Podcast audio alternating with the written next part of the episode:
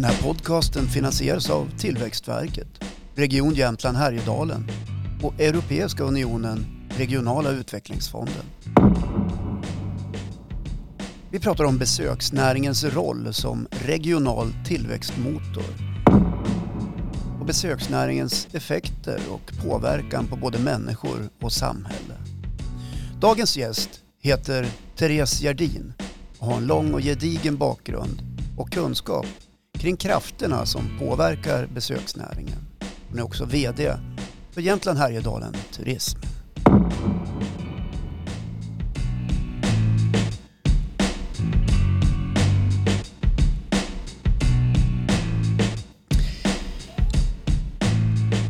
Ja, vi har inte bara barn i studion, vi har också högsta hönset här från Jämtland Härjedalen Turism. Therese Gerdin, hej. Ja, hej. Tack tänkte jag säga, Ja. men jag säger det snart. Ja.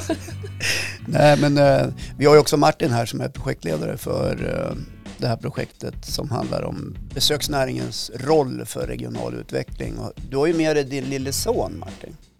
Så hör ni någonting i bakgrunden så är det Frank som låter och det är helt okej. Klart barnen ska låta. Klart de ska. Vilken tråkig värld vi skulle ha annars. Mm. Therese, eh, Jämtland Härjedalen Turism. Jag skulle vilja börja i den änden. Vad är det egentligen för organisation? Idag? Ja, idag. Då, snabbt bakåt bara. Vi har funnits sedan 1995 och vi är ju en ekonomisk förening. Eh, och vi är en samverkansplattform, brukar jag säga, för utveckling av just besöksnäringen. Våra medlemmar eller kunder eller eh, de som finns hos oss, det är främst destinationsbolagen eh, som, som vi ska verka för. De i sin tur ska hjälpa företagen på destinationen. Men vi ska se till att destinationerna ges de bästa förutsättningarna eh, att, att verka för besöksnäringen. Mm. Eh, vad är den viktigaste frågan som ni behöver hålla på att driva? Jag tror att det är samverkan och vi kan vara den här starka rösten utåt. Eh, vi har ju ett gott samarbete och är ju till viss del finansierad också av regionen så det ligger ju vårt, vårt uppdrag från vår finansiär. Mm. Eh, vi har ju små destinationer och sen har vi väldigt, väldigt stora destinationer. Eh, och det är en utmaning att, finnas till på ett bra sätt för alla och tillgodose de behov som finns där ute. För även om vi är en liten region så kan behoven och möjligheterna se olika ut. Ja, för det kan se olika ut på olika platser. Ja, verkligen. Vad är besöksnäring för någonting? Ja, men jag har ju fått förmånen att lyssna på tidigare poddar och, jag törs inte gå emot eh, eh, forskar Robert i att ha någon annan eh, definition. Men vi pratade lite om det innan vi började spela in här vad besöksnäring är för mig. Och för mig är den i stort sett allt. Mm. Alltså allting krokar arm, arm med besöksnäring. Eh, det är allt det där som vi smakar på men det är också det vi upplever, eh, det vi ser och vad den gör för platsen som vi bor på. Eh, där vi handlar, eh, allt som vi kan upptäcka. Så för mig är nästan besöksnäring allt som finns på, på en plats. Det krokar i alla fall i med varandra skulle jag säga. Och om man ser på det sättet så funderar man ju då kring vad är då möjligheterna med besöksnäringen? Om man kan vara så bred i sitt synsätt. Mm. Ja, eller så vänder man på det. Skulle, hur skulle det se ut om den inte fanns? Och det har vi ju fått känna på lite grann nu i, i pandemin. Även om jag i alla fall ser ett litet ljus i den tunneln eh, så tror jag många eh, med mig har insett vad tråkigt, vad trist, vad andefattigt det blir utan en besöksnäring som är igång och verksam. Mm. Ja, jag håller med. Mm. Livet har aldrig varit så tråkigt som Nej, under nej. pandemiåret. Mm. Eh, det är första juni idag när vi spelar in det här så Mm. att eh, idag är det ju nya lättnader som kommer. Mm. Det är vi lite glada för. Ja, men, ja, både mentalt och att det faktiskt är lättnader. Ja. Men också i våran skalle händer det någonting tycker jag. Jag håller med dig. Och eh, sköter sig människor nu fram till den första juli så kommer det ännu mer lättnader. Mm. Eh, vem är Therese Jardin då för den som inte riktigt känner dig då? Ja, men jag tror Martin har fått en fäbless här för, för rekorderliga norrlänningar. Eh, jag är född och uppvuxen uppe i Luleå. Eh, så jag håller inte på samma hockeylag som Robert Pettersson. Nej. Eh, Det men behöver jag kom, inte vara någon konflikt i det. Nej, vi brukar inte prata om det bara. Eller han vill inte prata om det så ofta i alla fall. Nej, men jag kommer från en idrottsfamilj skulle jag säga som har, som har präglat min uppväxt för mig på ett gott sätt. Min pappa var tränare för Luleå Hockey när jag växte upp och har hållit på med idrott. Eh, och det har speglat av sig på mig och mina bröder väldigt mycket. Eh, nu bor jag här i Östersund då, med min familj, min man och mina två barn. Eh, och besöksnäringen är något som, som har funnits med nästan hela tiden i mitt eh, yrkessamma liv. Var, varför blev det så? Vad, vad var det som drog dig dit? Ja, men dels så tror jag att man förknippar tidigt minnen och glädje och så. Det är besöksnäring för mig. Och kan jag vara en liten del eh, av att driva den framåt och få andra att förstå vad den betyder, både på ett nationellt eh, plan, men också eh, på ett regionalt plan, som jag får få förmånen att göra i min roll idag. Eh, ja, men jag, jag vet om kraften i den och jag tycker att de som är verksamma inom besöksnäringen, oavsett på vilken nivå eller vad det står på lönespecen, det är, eh, det är riktiga coola människor tycker jag. Det är ett driv, det är en entreprenörsanda, det är, ja, men det är en häftig näring eh, att få vara i tycker jag. Mm. Spännande det låter Mm. eh, med alla dessa entreprenörer Mm. som är så drivna. Mm. Hur ska då eh, de och ni se till att besöksnäringen bidrar till regional utveckling? Eh, jag tror att de ska fortsätta göra precis det de gör, att vara de här driva entreprenörerna som ibland ifrågasätts på ett väldigt positivt sätt kan jag tycka. Att man vågar ta det utanför boxen. Eh, så ska jag och mitt gäng på IoT försöka hålla oss på kanten men fortfarande innanför boxen och vara den här samverkansplattformen. Eh, att lyfta de som kanske inte har orken och kraften och möjligheten och kapaciteten på till exempel en liten destination. Att, att driva det och hjälpa dem framåt. Sen ligger det också i vårt uppdrag att sätta Jämtland och Härjedalen på den nationella kartan och det är ett viktigt arbete tycker jag. Mm.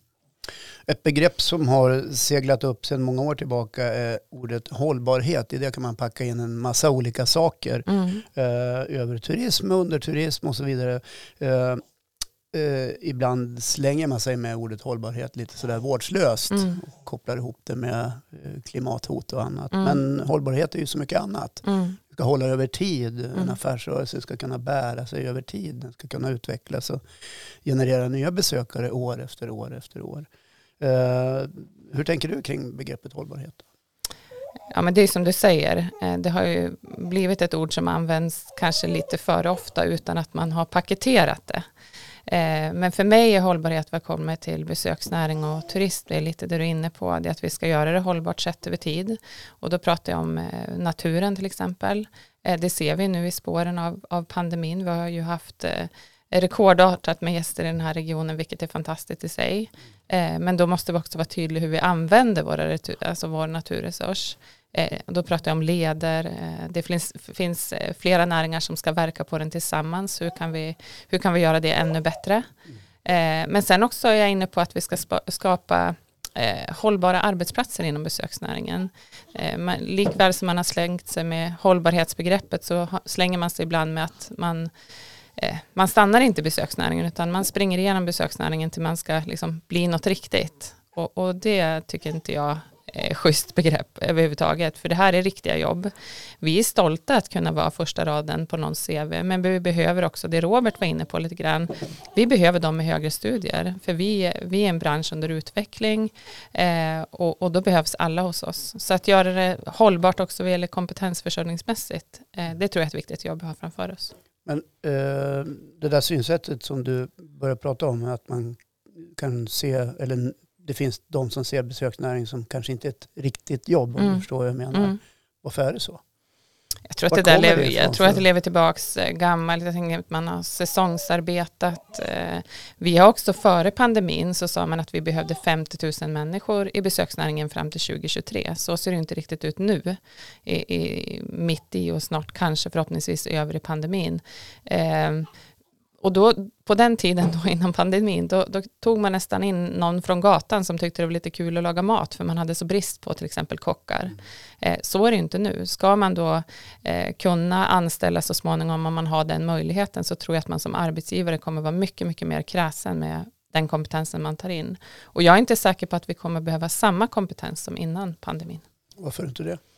Nej, men världen ser annorlunda ut. Vi som kunder eh, ser annorlunda ut eh, i, i vårt beteende eh, när vi är ute och, och nyttjar besöksnäringen. Och då behövs det också andra typer av kompetenser. Jag tror att vi kommer få se en bredare kompetens eh, än vad vi haft tidigare, inte lika spetsad. Eh, men återigen så tror jag att vi kommer behöva dem på en liten högre nivå också vad gäller sina studier och förkunskaper. Men vi kommer också att vara, fortsätta vara stolta att ge någon deras första jobb. Mm. Men det finns ett problem kopplat till pandemin inom framförallt restaurangnäringen kanske. Att mm. eh, många har valt att eh, inte vara kvar eller inte kunnat vara kvar mm. i sina anställningar. Mm. Och eh, nu är det svårt för de här näringarna att hitta ny personal. Mm. Så är det. Hur ska man göra där då?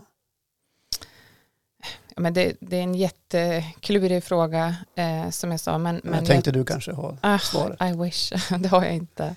Nej men jag tänker att eh, såklart som du är inne på, de som en gång fanns hos oss för två år sedan, eh, de kanske har valt en annan bransch eller utvecklats på annat sätt. Vilket Varför jag frågar det, för att eh, någonstans så kan det ju eh, landa hos er. Mm. Eh, att, att hjälpa till att lösa det problemet. Mm. Och det lär det nog göra, mm. tror jag.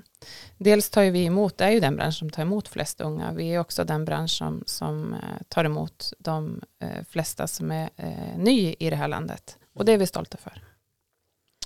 Om du tittar lite framåt då i kristallkulan, ett år, fem år, tio år. Vi kanske inte har några femårsplaner, men eller så har ni det. Man kan ju ha en vision som ligger mm. där borta som man mm. tittar mot i alla mm. Nej, men jag, jag sticker ut hakan och säger att IOT vill ta på sig ledartröjan. Eh, jag och gänget där vill verkligen vara det. Eh, jag tror att vi har en viktig röst. Vi har ett enormt viktigt nätverk som, som vi sitter på. Eh, och återigen vara den här samlade rösten för den här regionen. Det är vi väldigt, väldigt bra på. Eh, och, och, det tror jag vi kan lyfta återigen då för att sätta eh, regionen på kartan. För det tror jag är ett jätteviktigt arbete att göra. Vi har hemester och så, men vi är fortfarande rankad som en av de mest intressanta länderna att besöka. Och jag tror inte att den turisten kommer att säga att den har nödvändigtvis varit i Jämtland. Eh, har vi tur säger den att den har varit i Sverige, kanske Norden. Mm. Eh, och då måste vi finnas med på den här Sverigekartan eh, och sudda ut lite både regionala men framförallt kommunala gränser. Det är en sak att säga att man har en röst. Sen mm. är det en annan sak om man faktiskt blir lyssnad på. Mm. Så är det ju. Men, men det, det vill jag att vi ska bli och jag tycker att vi gör det väldigt bra redan idag och har gjort tidigare också.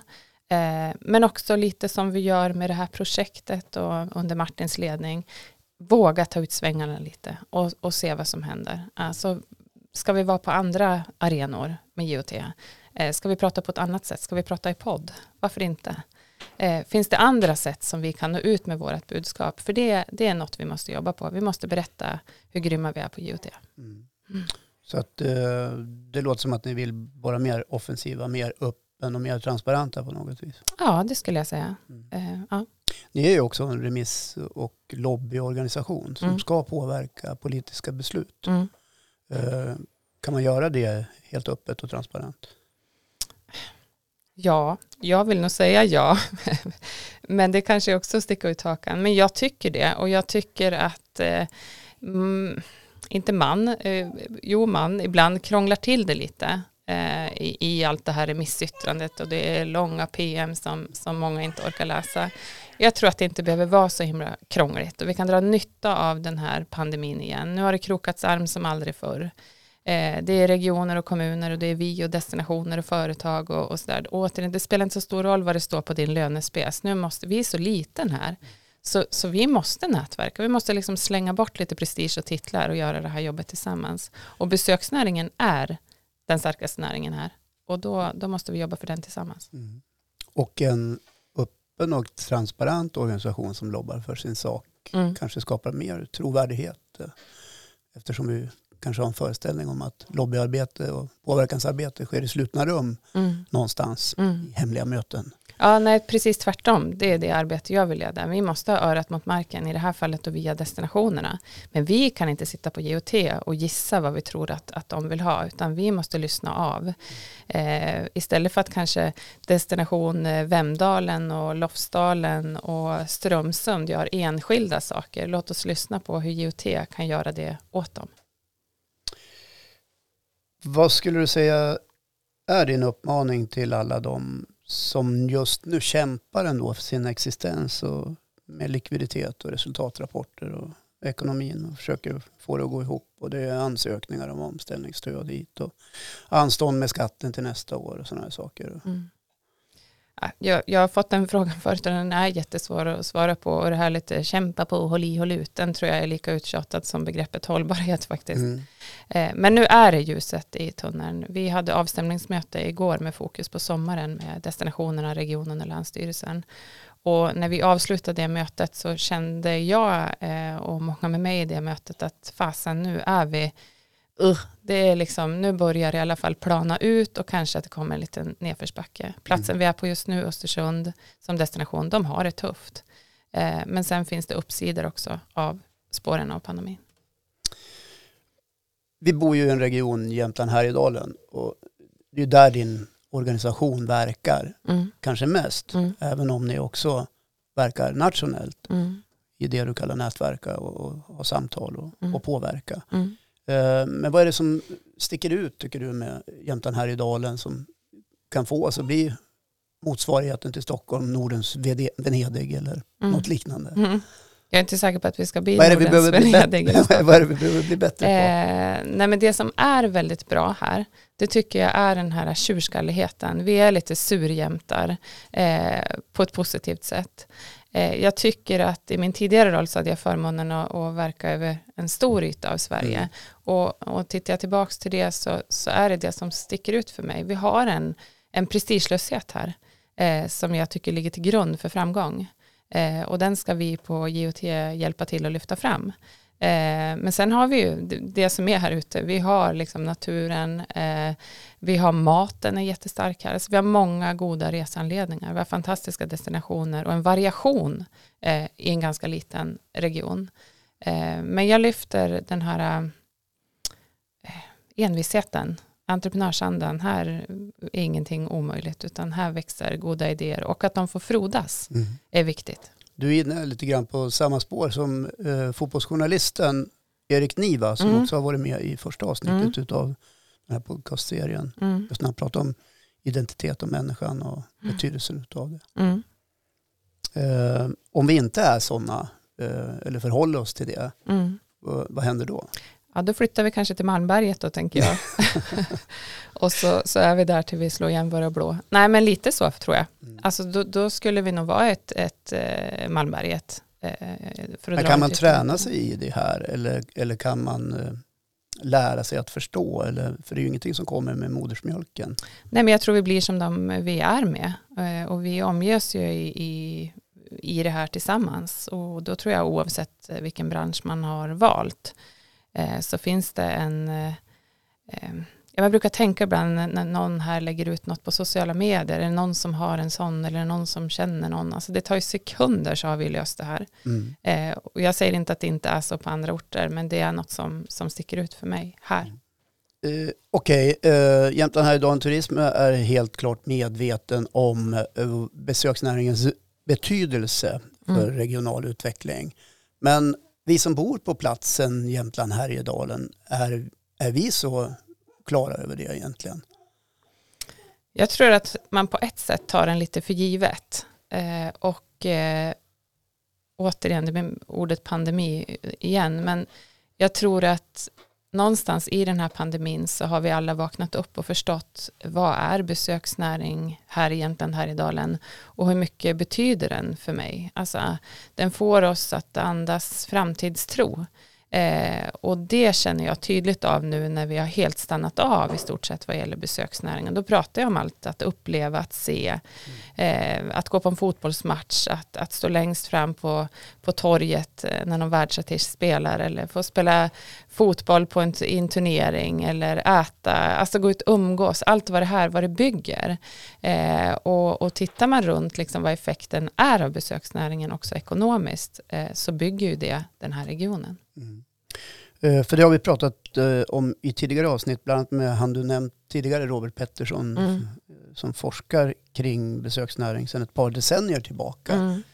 Han är klok. Han är klok. Mm. Om, där han var inne på att vi som bor här kanske tar ganska mycket av samhällsservice och sådana saker mm. som, som givet, men som mm. kanske inte skulle finnas om inte besöksnäringen fanns. Nej, den skulle inte finnas. Mm. Inte i den eh, liksom, utsträckning som den gör. Ta en plats som Åre till exempel, som är en väldigt, väldigt liten by om man tittar på det rent geografiskt, som ligger också infrastrukturmässigt ganska eh, inklämt eh, med väldigt få bofasta. Hur, hur, tror du Åre skulle se ut utan besöksnäring? Skulle man ha skolan? Eh, skulle man ha utbudet av aktiviteter för sina barn? Eh, hälso och sjukvård? Alltså allt det där hänger ihop och för mig är besöksnäringen grunden för det. Mm. Utan berget i Åre så hade inte Åre varit Åre? Eh, nej, inte på samma sätt skulle jag säga. Mm. Och då är vi ju liksom inne på själva huvudspåret. Mm. Regional utveckling, mm. samhällsservice, mm. människor som flyttar in och, och, kanske väljer att bo kvar. Och kanske mm. till och med livnär sig på besöksnäringen mm. för att det är möjligt. Uh, vad finns det för fler konkreta exempel där vi bor där man har kunnat se den här utvecklingen över tid? Förutom Åre, för Åre är ju liksom känd som en internationell destination kan man ju lugnt säga. Eh, det finns ju såklart eh, många och jag är väl rädd för att missa någon. Men jag kan ta ett exempel som är aktuellt inför helgens öppning och det är ju Strömsund då, som besöksort. Mm. Där vi har Vildmarksvägen som, som öppnar nu och vad den genererar och vad den betyder för en ganska liten kommun med inte alls utpräglad besöksnäring i den bemärkelsen som man spontant tänker på. Eh, vad, vad, vad gör den där?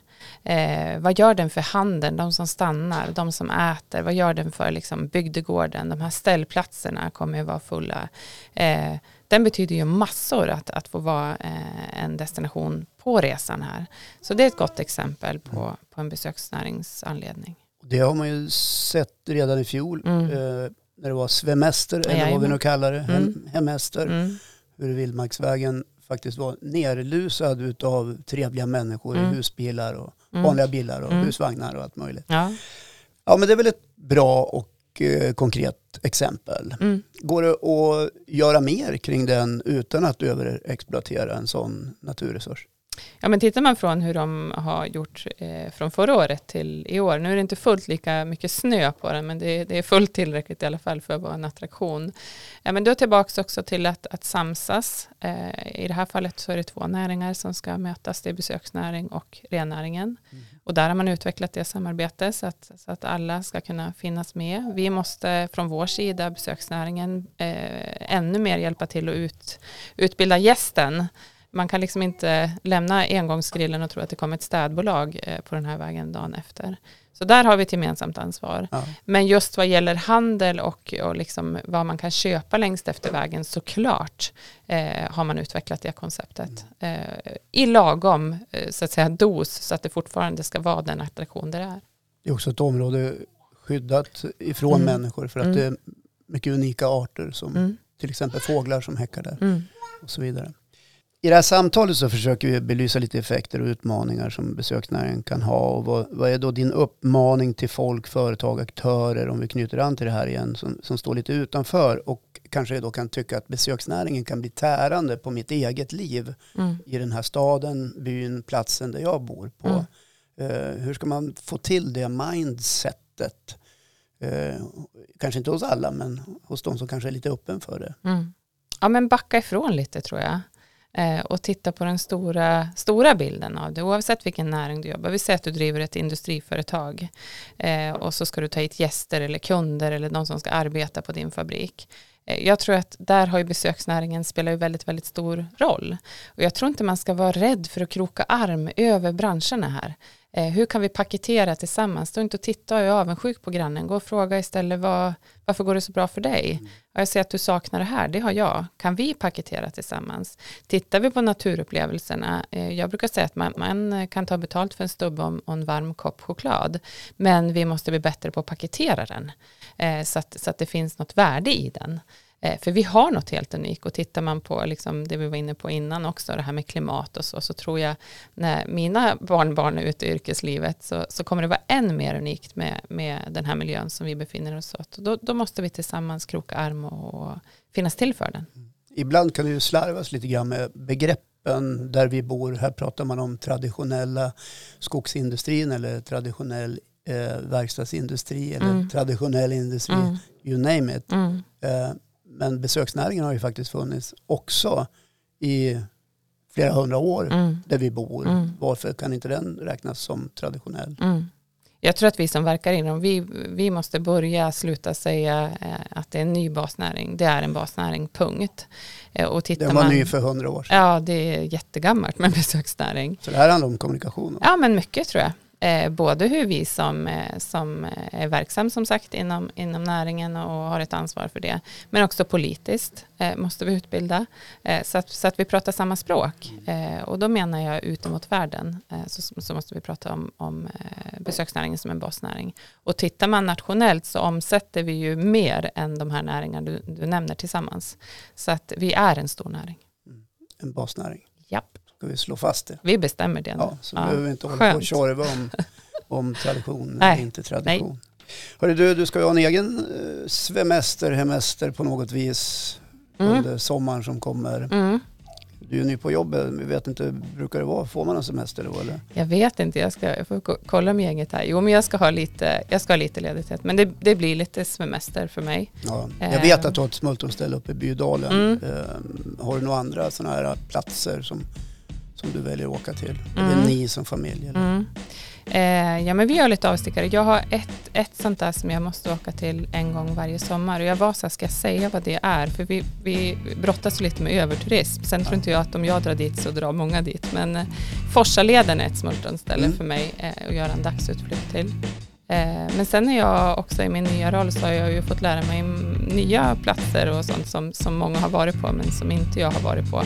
Eh, men sen tror jag att eh, ja, men hit, våga även där ta ut svängarna, kanske följa en stig som jag inte har följt. Jag älskar att vara i naturen Mm. i alla dess former. Eh, lite fiske, mina söner gillar ju att fiska så de får lära mig.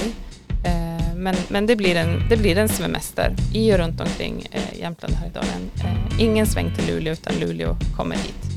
Förstår. Tack för att du kom hit idag, eh, Therese Gerdin, VD på Jämtland Härjedalen Turism. Tack.